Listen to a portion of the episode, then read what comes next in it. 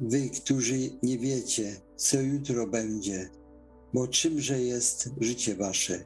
Parą jesteście, która ukazuje się na krótko, a potem znika.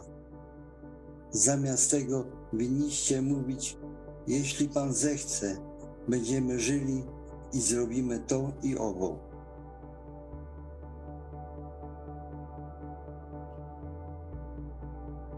A teraz wy, bogacze, płaćcie i narzekajcie nad nieszczęściami, jakie na was przyjdą. Bogactwo wasze zmarniało, a szaty wasze mole zjadły. Oto zapłata zatrzymana przez was robotnikom, którzy zżyli pola wasze. Krzyczy, a wołania żeńców dotarły do uszu Pana zastępów.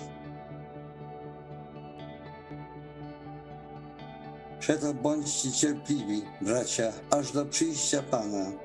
Oto rolnik cierpliwie oczekuje cennego owocu ziemi, aż spadnie wczesny i późny deszcz. Bądźcie i wy cierpliwi, umacniajcie serca swoje, bo przyjście Pana jest bliskie.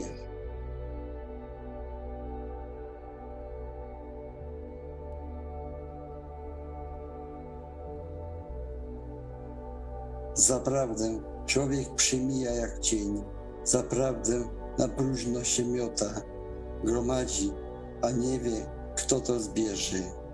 A teraz czego mam się spodziewać, Panie? W Tobie jest nadzieja moja.